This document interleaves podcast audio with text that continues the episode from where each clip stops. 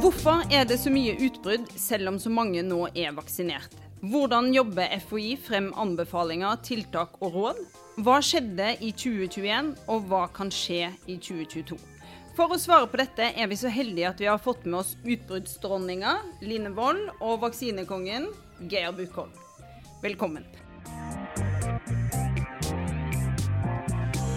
Og bak spørsmålsarket så sitter jeg, Torunn Gjerustad. Da eh, begynner vi med deg, Geir.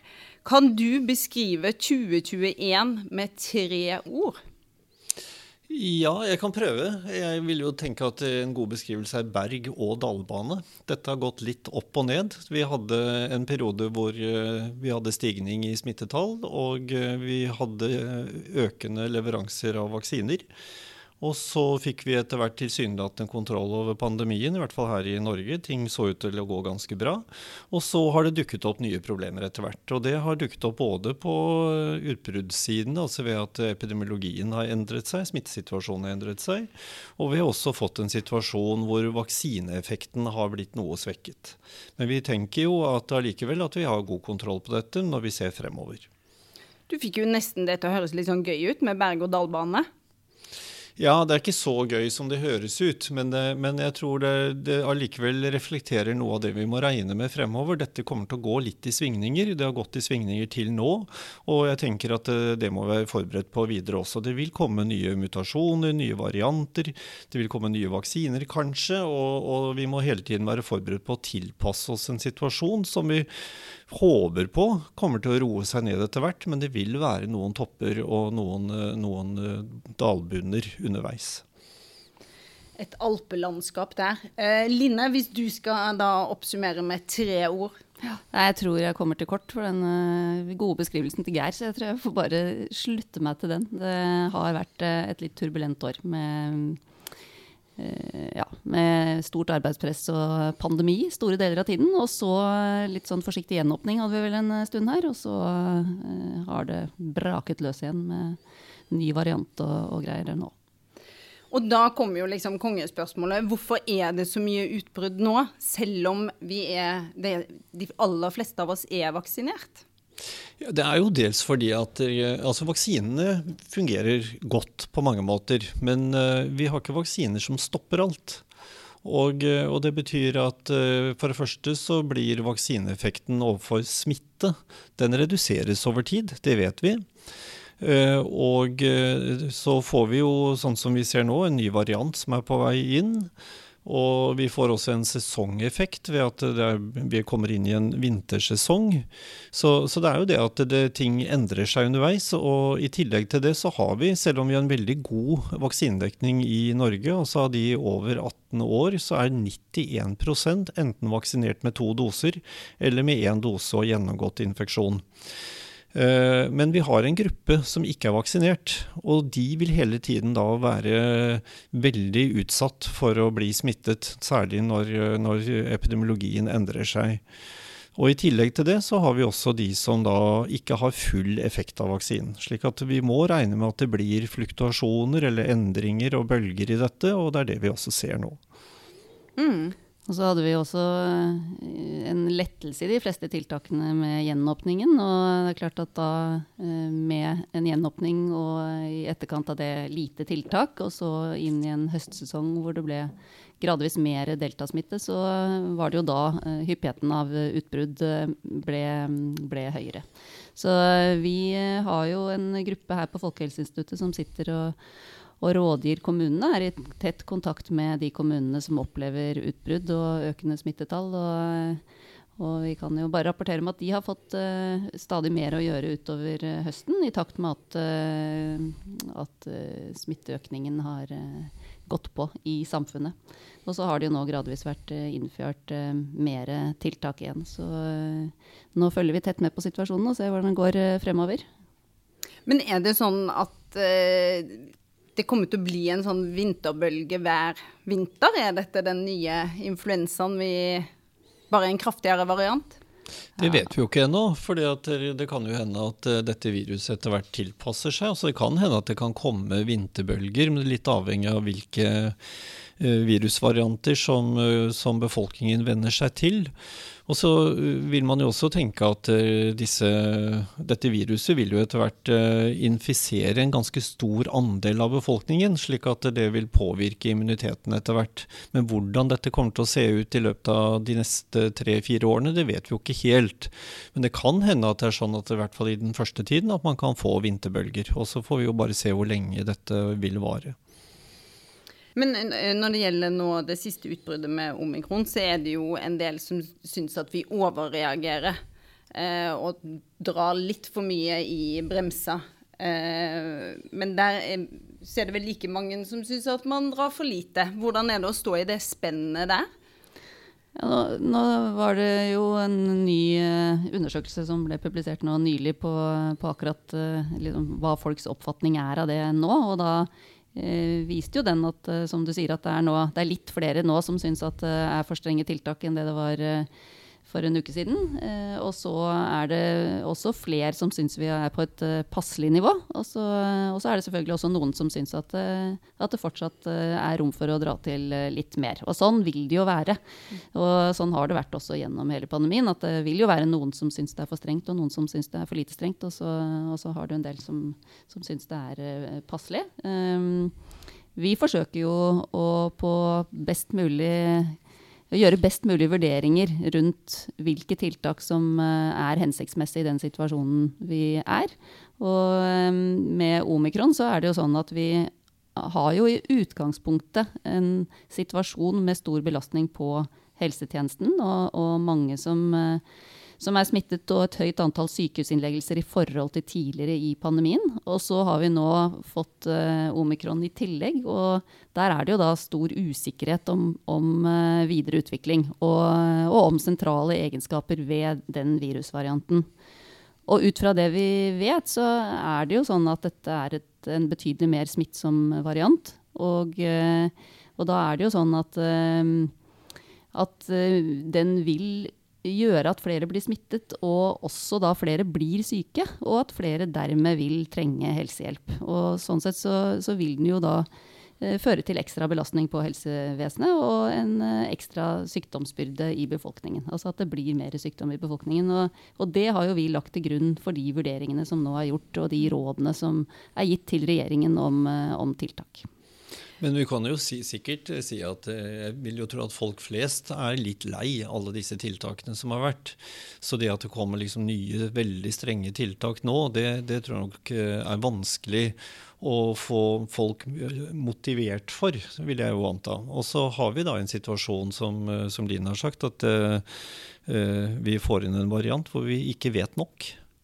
Og det betyr at uh, da må man gjøre et valg om man skal uh, forsøke å, bremse situasjonen for å vinne tid for å få kunnskap, eller om man skal uh, ta større sjanser. Og akkurat nå har vi jo forsøkt å legge oss på et nivå hvor vi tenker at vi får tilstrekkelig med tid til å kunne vurdere disse egenskapene til, til dette nye viruset. Og så diskuterer man jo ulike egenskaper ved det viruset. Det er jo til og med noen som mener at det ikke er mer smitt smittsomt i seg selv, men det vi er overbevist om, at det sprer seg veldig mye fortere. Men om det skyldes at virus i seg selv er mer smittsomt som, som, virus, eller om det bare er fordi at det unngår immunforsvaret vårt på en effektiv måte og dermed sprer seg fortere i en immunisert befolkning, det vet vi foreløpig ikke. Og vi vet jo heller ikke om det gir mer alvorlig sykdom, eller like mye alvorlig sykdom, eller mindre alvorlig sykdom enn andre varianter. Men vi kan si litt om hvor mye sykdom det gir i en befolkning som er dekket f.eks. med så og så mye vaksiner. Mm. Men hva, eh, hva, tenker man er den største trusselen nå? da? At folk er så drittlei av eh, tiltak? Eh, eller er det en større trussel at viruset stadig vekk kommer med nye varianter?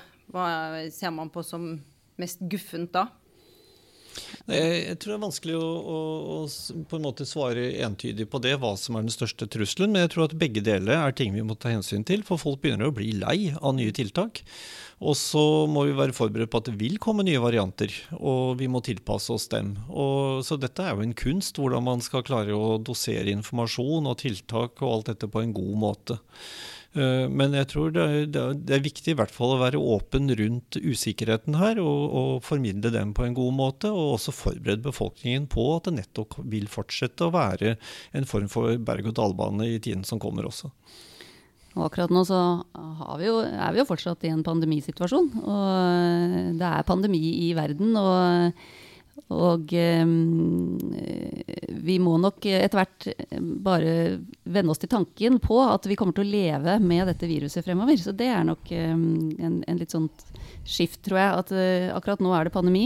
Det går over på et tidspunkt. Men denne sykdommen kommer til å være her og være av de, av de sykdommene som vi omgir oss med. Så, så hvordan man fremover skal, eh, skal få til en, eh, en balanse hvor vi klarer å håndtere denne sykdommen på samme måte som vi håndterer andre infeksjonssykdommer, eh, og at den blir en del av det litt mer vanlige sykdomspanoramaet vi omgir oss med, det, det er jo en utvikling som vi ja, for Det blir jo spennende, for nå har man jo nesten tatt vekk at det, det skal ikke være risiko. Man skal nesten ikke dø nå.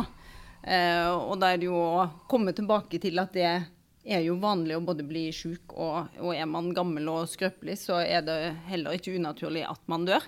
Men man har jo på en måte ja, nesten litt sånn kunstig eh, vatt rundt hele samfunnet på en måte.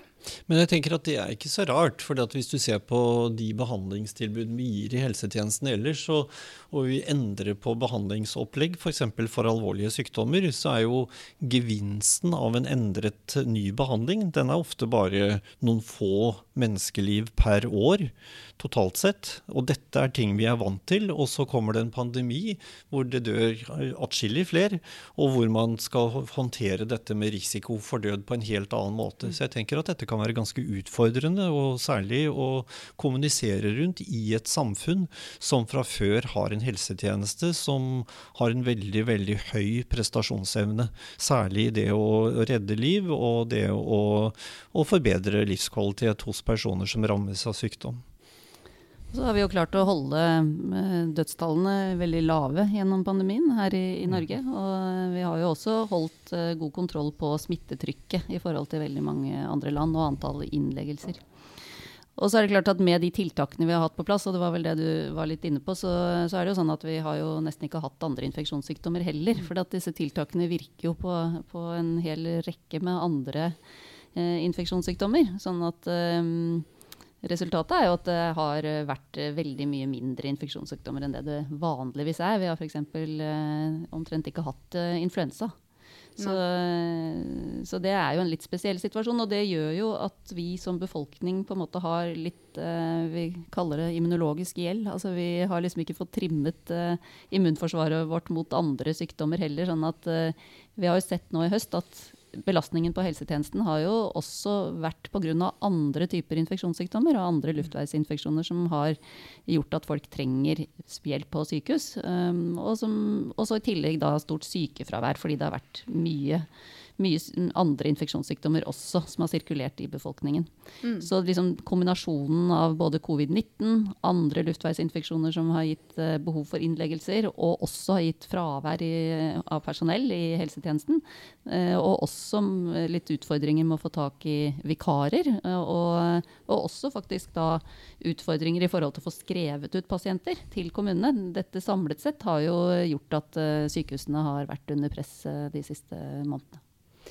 Ja, og det er det noen som har skrevet inn til oss eh, og lurer på dette her med at det nevnes lite, den der sykehuskapasiteten. Den har jo blitt nevnt litt i det siste, og det er jo egentlig ikke Folkehelseinstituttet sitt bord.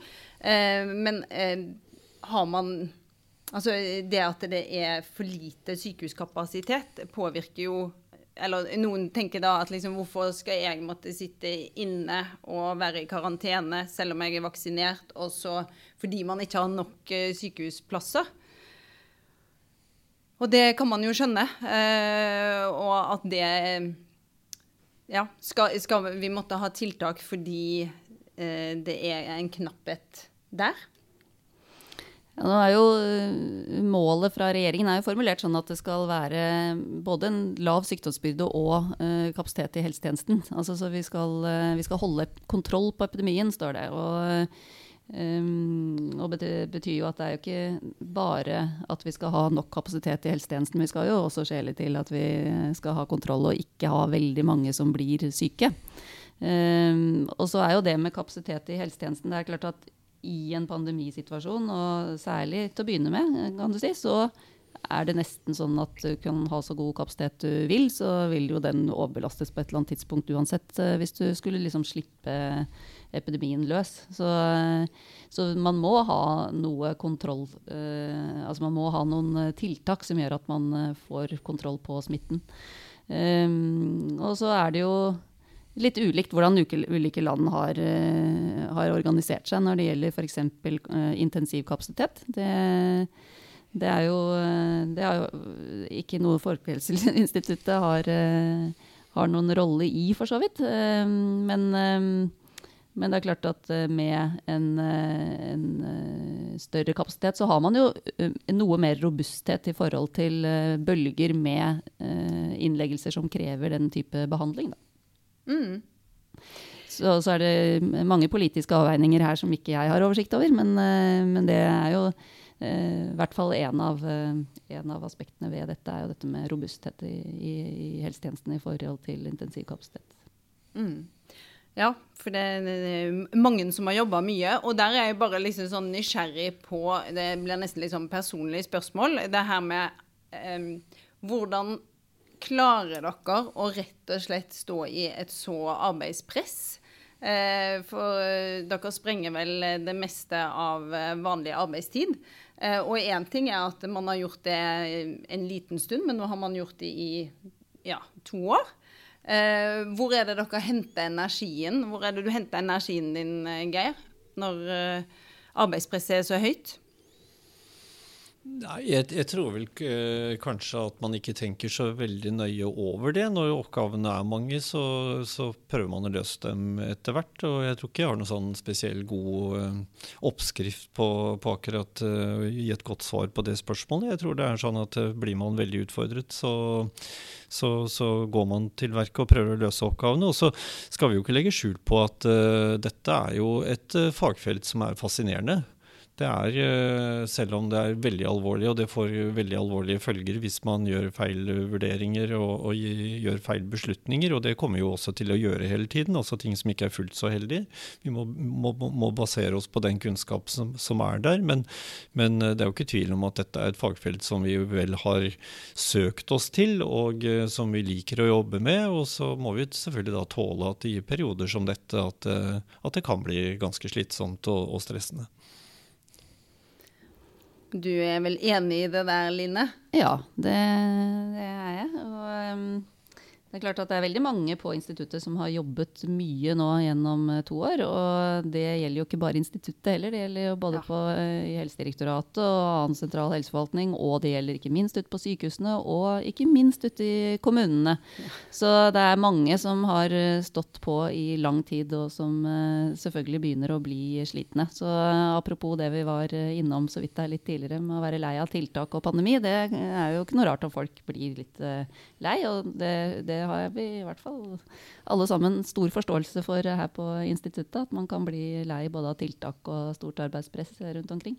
Så um, her er det jo uh, dessverre sånn at denne pandemien er ganske uforutsigbar, og vi får oss jo nye overraskelser stadig vekk. og det var jo det det ble innledet med her også, litt berg-og-dal-bane. Så eh, vi får bare eh, tenke at dette er en situasjon som på et eller annet tidspunkt så, så går jo pandemien over. Og inntil den gjør det, så må vi eh, gjøre det beste ut av den situasjonen vi er i, og stå på videre for å håndtere de problemstillingene som kommer. Og samtidig prøve selvfølgelig å tenke langsiktig og legge en plan for hvordan vi kommer ut av det. Og da, da lurer jeg, Line, i november i fjor så ble du portrettintervjua av Aftenposten, og da var det at bilen din var veldig rotete. Og, Sier du det? Ja, og da sa du at det skulle du ta tak i. Og, og det, det, er nok gode utsikter for 2021. Mm. Og da lurer jeg på, har du fått rydda bilen? Neppe. Nei. Ikke rydda bilen. Den er akkurat like rotete, om ikke mer. Og for, de, og for de som da har fått lov til å sitte på med Line i den bilen, så kan vi bekrefte at den er ikke blitt rydda. men, men, du har ikke sånn ørret eh, liggende nei, på femte dagen? Eh, nei, heldigvis så har jeg jevnlig låne bort bilen til folk som luker ut de verste, verste tingene Ja. det høres jo eh, flott ut. Men vi har fått litt sånne konkrete spørsmål, så vi må bare dra gjennom noen eh, eh av de. Eh, og da, Geir, så er det en, eh, faktisk flere som eh, gravide som lurer på dette her med vaksine. Kan det være aktue aktuelt å anbefale gravide å ta oppfriskningsdose før det har gått fire og en halv måned? Fordi de opplever jo at det er veldig viktig at de nå må ta vaksine. Nei, vi, vi, tenker nok at det er viktig at man holder intervallet på fire og en halv måned. Eh, det som er viktig, er at de gravide får bli vaksinert. For vi ser at eh, det er en, en, en høyere risiko for gravide å bli alvorlig syke eh, sammenlignet med, med folk på tilsvarende alder. Og har de fått sin vaksinedose én og to, så, så, tenker vi at de er, er, er godt beskyttet. Men samtidig så tenker vi også at for de, for de som der hvor det har gått lengre tid enn fire og en halv måned, så anbefaler vi en booster. Men vi ser ikke noen grunn til å forsere det eh, med et kortere intervall.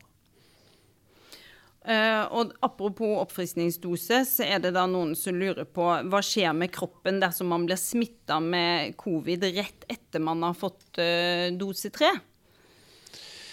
Ja, Det skjer ikke så veldig mye. Ehm, for det første så vil jo en oppfriskningsdose kunne virke ganske raskt. Så den, vil jo, den immunologiske aktiveringen skje veldig mye fortere enn etter dose to. Så allerede i løpet av den første uken så vil man begynne å se en, en økende boostereffekt, og så vil det ta noen dager før den er fullt utviklet. Men blir man da smittet uh, rett etterpå, altså før boosteringen har fått full effekt, så får man jo en, en, beskyttelse som svarer til hvor langt man har kommet i aktiveringen av immunforsvaret.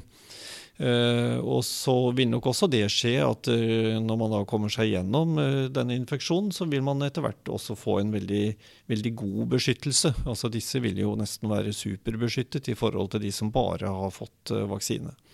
Men eh, det beste er selvfølgelig at man holder seg frisk i den korte tiden fra man får sin booster og til, eh, til boosteringen har begynt å virke fullt ut. Mm. Line, stemmer det at barn ikke er smittedrivere, og hvorfor er de eventuelt ikke det? Ja, Det vi etter hvert har kunnskap om, det er jo at eh, barn i mindre grad enn voksne er, driver smitte videre. Og Uh, og det skyldes uh, faktorer som vi ikke har full oversikt over. Men uh, akkurat nå så er det jo en del smitte blant barn og unge fordi at de ikke er vaksinert, mens voksne for en større grad er vaksinert. Og så har det jo noe med, altså Smitte har jo ikke bare med Eh, på en måte hvor mye virus du skiller ut, men det er jo også med hvilke settinger du er i. Eh, vel så mye. Altså Om du er tett innpå um, en, en, et annet menneske, så er det jo høyere risiko for smitte enn hvis du har litt avstand. Og ofte så har vi jo nær kontakt med, med barna våre. Så det er ikke sånn at barn ikke kan smitte andre, men uh, i mindre grad enn voksne under ellers like forutsetninger, da. Mm. Og, så, eh, og, så, vet vi nå at, eh, at, det er en del smitte i, blant barn, det, eller at vi oppdager en god del smitte blant barn. Og det skyldes nok også at vi tester ganske mye. Nå testes det jevnlig i mange skoler, og det gjør jo at man oppdager også de som ikke har symptomer. Og mm. dermed avdekkes mer smitte i denne gruppa. Men er det noe av grunnen til at de ikke er så smittedrivere, at de faktisk ikke blir så syke, og dermed ikke har mye snørr og eh, nyse og hoste og, og, smitte på den måten? Andre? Ja, vi, eh, vi, har ikke full oversikt over alle disse faktorene, men det kan være med på, eh, på å være en årsak til dette bildet, at det kanskje er flere som da har mindre symptomer. Mm. Uh, og så, uh, Geir, vi må snakke litt om bivirkninger. Det er jo også noe folk er veldig opptatt av. Eh, og da er det jo langtidsbivirkninger. Eh, når er det det har gått lang nok tid til at man eh, burde ha røyka ut om det var noen eh, alvorlige langtidsbivirkninger? For nå er det jo gått ett år siden man satte første stikket. Foreløpig så har man jo ikke sett noen eh, langtidsbivirkninger av disse vaksinene. Og det er klart at når vi begynner å få et års observasjonstid, og kanskje, kanskje enda et år til, så blir man jo sikrere og sikrere på dette. Og så er det jo ikke så veldig mange vaksiner man heller har oppdaget eh, virkelig langtidsbivirkninger hos. Så vi begynner nok å bli mer og mer trygge på at det er liten sannsynlighet for at det vil dukke opp. Men vi kan jo aldri være helt sikre. Så de, de, fleste bivirkningene som vi forholder oss til nå, er jo bivirkninger som er kjente. Og eh, noen av disse vaksinene er jo vaksiner som er satt på et uh, antall personer som vi aldri har satt tilsvarende antall uh, vaksinedoser på. Det er jo enormt antall, bl.a. f.eks. Pfizers vaksine. Så vi begynner jo etter hvert å kjenne disse bivirkningene veldig godt. Ja. Men dersom man da hadde opplevde sterke bivirkninger, altså ikke alvorlige, men bare at man ble litt eh, slapp og dårlig i noen dager etter første, og en, kanskje enda litt kraftigere etter andre. Er det da å forvente at det blir enda litt verre etter en oppfriskningsdose? Nei, Ut fra de dataene vi har fra de landene som har brukt disse oppfriskningsdosene, på mange, så er det faktisk motsatt. Det vi ser, er at etter tredjedosen, eller boosterdosen, så, så får man omtrent de samme typene av bivirkninger som man har etter dose to, men det ser ut til at de kommer sjeldnere. Eh, og det er eh, i henhold til rapporter både fra Israel, som har eh, vaksinert veldig mange med dose 3, og fra amerikanske data og fra britiske data. Og det vi begynner å se nå også fra de norske registrene, er den samme tendensen. At det er nok sjeldnere bivirkninger ved, ved dose 3 enn det har vært etter dose 2. Mm. Hørtes oppløftende ut. Eh, og Line, siste sånn eh, publikumsspørsmål til deg er tester. Eh, kan vi stole på hurtigtestene?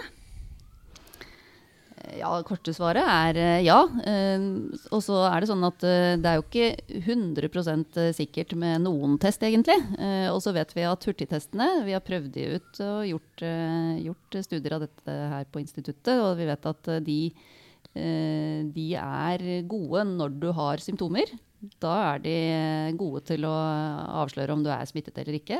Når du ikke har symptomer, så er de litt mindre eh, gode enn det en PCR-test er. Men til det bruket som, som, vi har her i Norge nå, vi, altså, på de feltene hvor vi bruker disse hurtigtestene, så er de gode. Og de er ikke, det er ingenting som tyder på at de er dårligere i forhold til å påvise omikron enn delta per nå. Det høres eh, bra ut. Eh, hva er deres eh, største ønske for 2022? Ja, det er Kjøre berg-og-dal-bane? Ja, ja, nei gjerne, gjerne, litt mindre sånne daler, da, kanskje, neste år. Er vi, Mer topptur? Topptur, ja. Vi ønsker en lang topptur inn i 2022. Vi ønsker oss jo at uh, at vi har, eh, fortsetter å ha god kontroll på pandemien. At vi ikke får inn nye varianter som gir oss noe, noe utstrakte problemer. Og at pandemien etter hvert nå klinger av. Men vi må nok regne med at vi skal som sagt leve med dette viruset fremover. Så eh, vi må nok forvente at vi også neste år vil eh, ha noe økt sirkulasjon av dette viruset utover høsten og, og vinteren. Så det tror jeg vi må forberede oss på. Ja, jeg er enig med Line i det. Og jeg tenker jo at uh, vi må være forberedt på at det skjer ting også i 2022. Uh, så kan vi jo håpe på at, uh, at, den tilpasningen som skjer sånn rent biologisk i naturen, at den går i riktig retning, og at vi får til en god balanse mellom mennesker og virus. sånn som det ofte skjer når det er store epidemier eller pandemier. Eh, og så er det viktig at vi klarer å, å holde tritt med kunnskapsutviklingen, eh, både, både, vi her i Norge, men også internasjonalt, slik at man får god kunnskap om hvordan man skal bruke vaksiner, når det er naturlig å bruke vaksinene, og når det er naturlig å slutte å bruke vaksiner, og se at man får til en god balanse mellom smittestoffet i seg selv og, og befolkningen. Har du eh, da en sånn siste oppfordring på det her med oppfriskningsdose, som nå eh, er noe man eh, tilbyr? Mange? Ja, jeg, Det er viktig nå at folk tar imot det tilbudet. Uh, og det som jeg tror er viktig å få frem, dette er uh, vaksiner som vil ha veldig veldig stor betydning i forhold til å få kontroll med den virusvarianten som nå dominerer, nemlig delta-varianten. Og så tror jeg det er også viktig å få understreket at uh, de dataene vi har så langt, tyder på at den også vil virke veldig godt mot omikron-varianten. Den vil både føre til at vi får redusert smitten i samfunnet med begge varianter med, etter at man har fått opp oppfriskningsdosen. Og den vil også redusere risiko for alvorlig sykdom og, og, generell sykdom hvis man tar den. Så det er, en, det er en veldig godt middel for å få kontroll over pandemien eh, i Norge, sånn som situasjonen er nå. Og, og vi vil også oppnå en styrket immunologisk hukommelse, som det heter. Altså at, eh, at, eh, immuncellene våre er i stand til å huske, slik at når man får enda en ny virusvariant, så er vi også forberedt på den. For vi, vi ser at nettopp disse boosterdosene de gjør at uh, immunsystemet vårt hele tiden utvides til å kunne respondere på uh, nye virus som er litt mer forskjellige enn de vi har truffet på til nå. Og så er det kanskje ikke så nøye hvilken av de to vaksinetypene vi har tilbyr her i Norge, hvilken av de man får? Begge to er veldig gode. Uh, både den som produseres av Pfizer og den som produseres av uh, av Moderna. Vi, men vi oppfordrer folk til å ta imot eh, den vaksinen de får tilbud om. Mm. Brenner du inne med noe nå, Line? Ja, et juleønske. Ja? Enten du får tilbud om dose 1, dose 2 eller dose 3, takk ja. Fantastisk. God jul. God jul, ja. Da vil jeg si tusen takk til Line Wold og Geir Bukholm for deres dyrebare tid og kloke hoder. Spørsmålene var mange, svarene var gode. Og vi vet at 2021 går mot slutten, og vi er spent på da hvordan eh, toppturene blir i 2022. Eh, vi krysser fingrene for at viruset ikke blir en evig lang James Bond med stadig nye fornyelser, og at det kommer nye mysterier og varianter. Da sier vi god jul. God jul. God jul.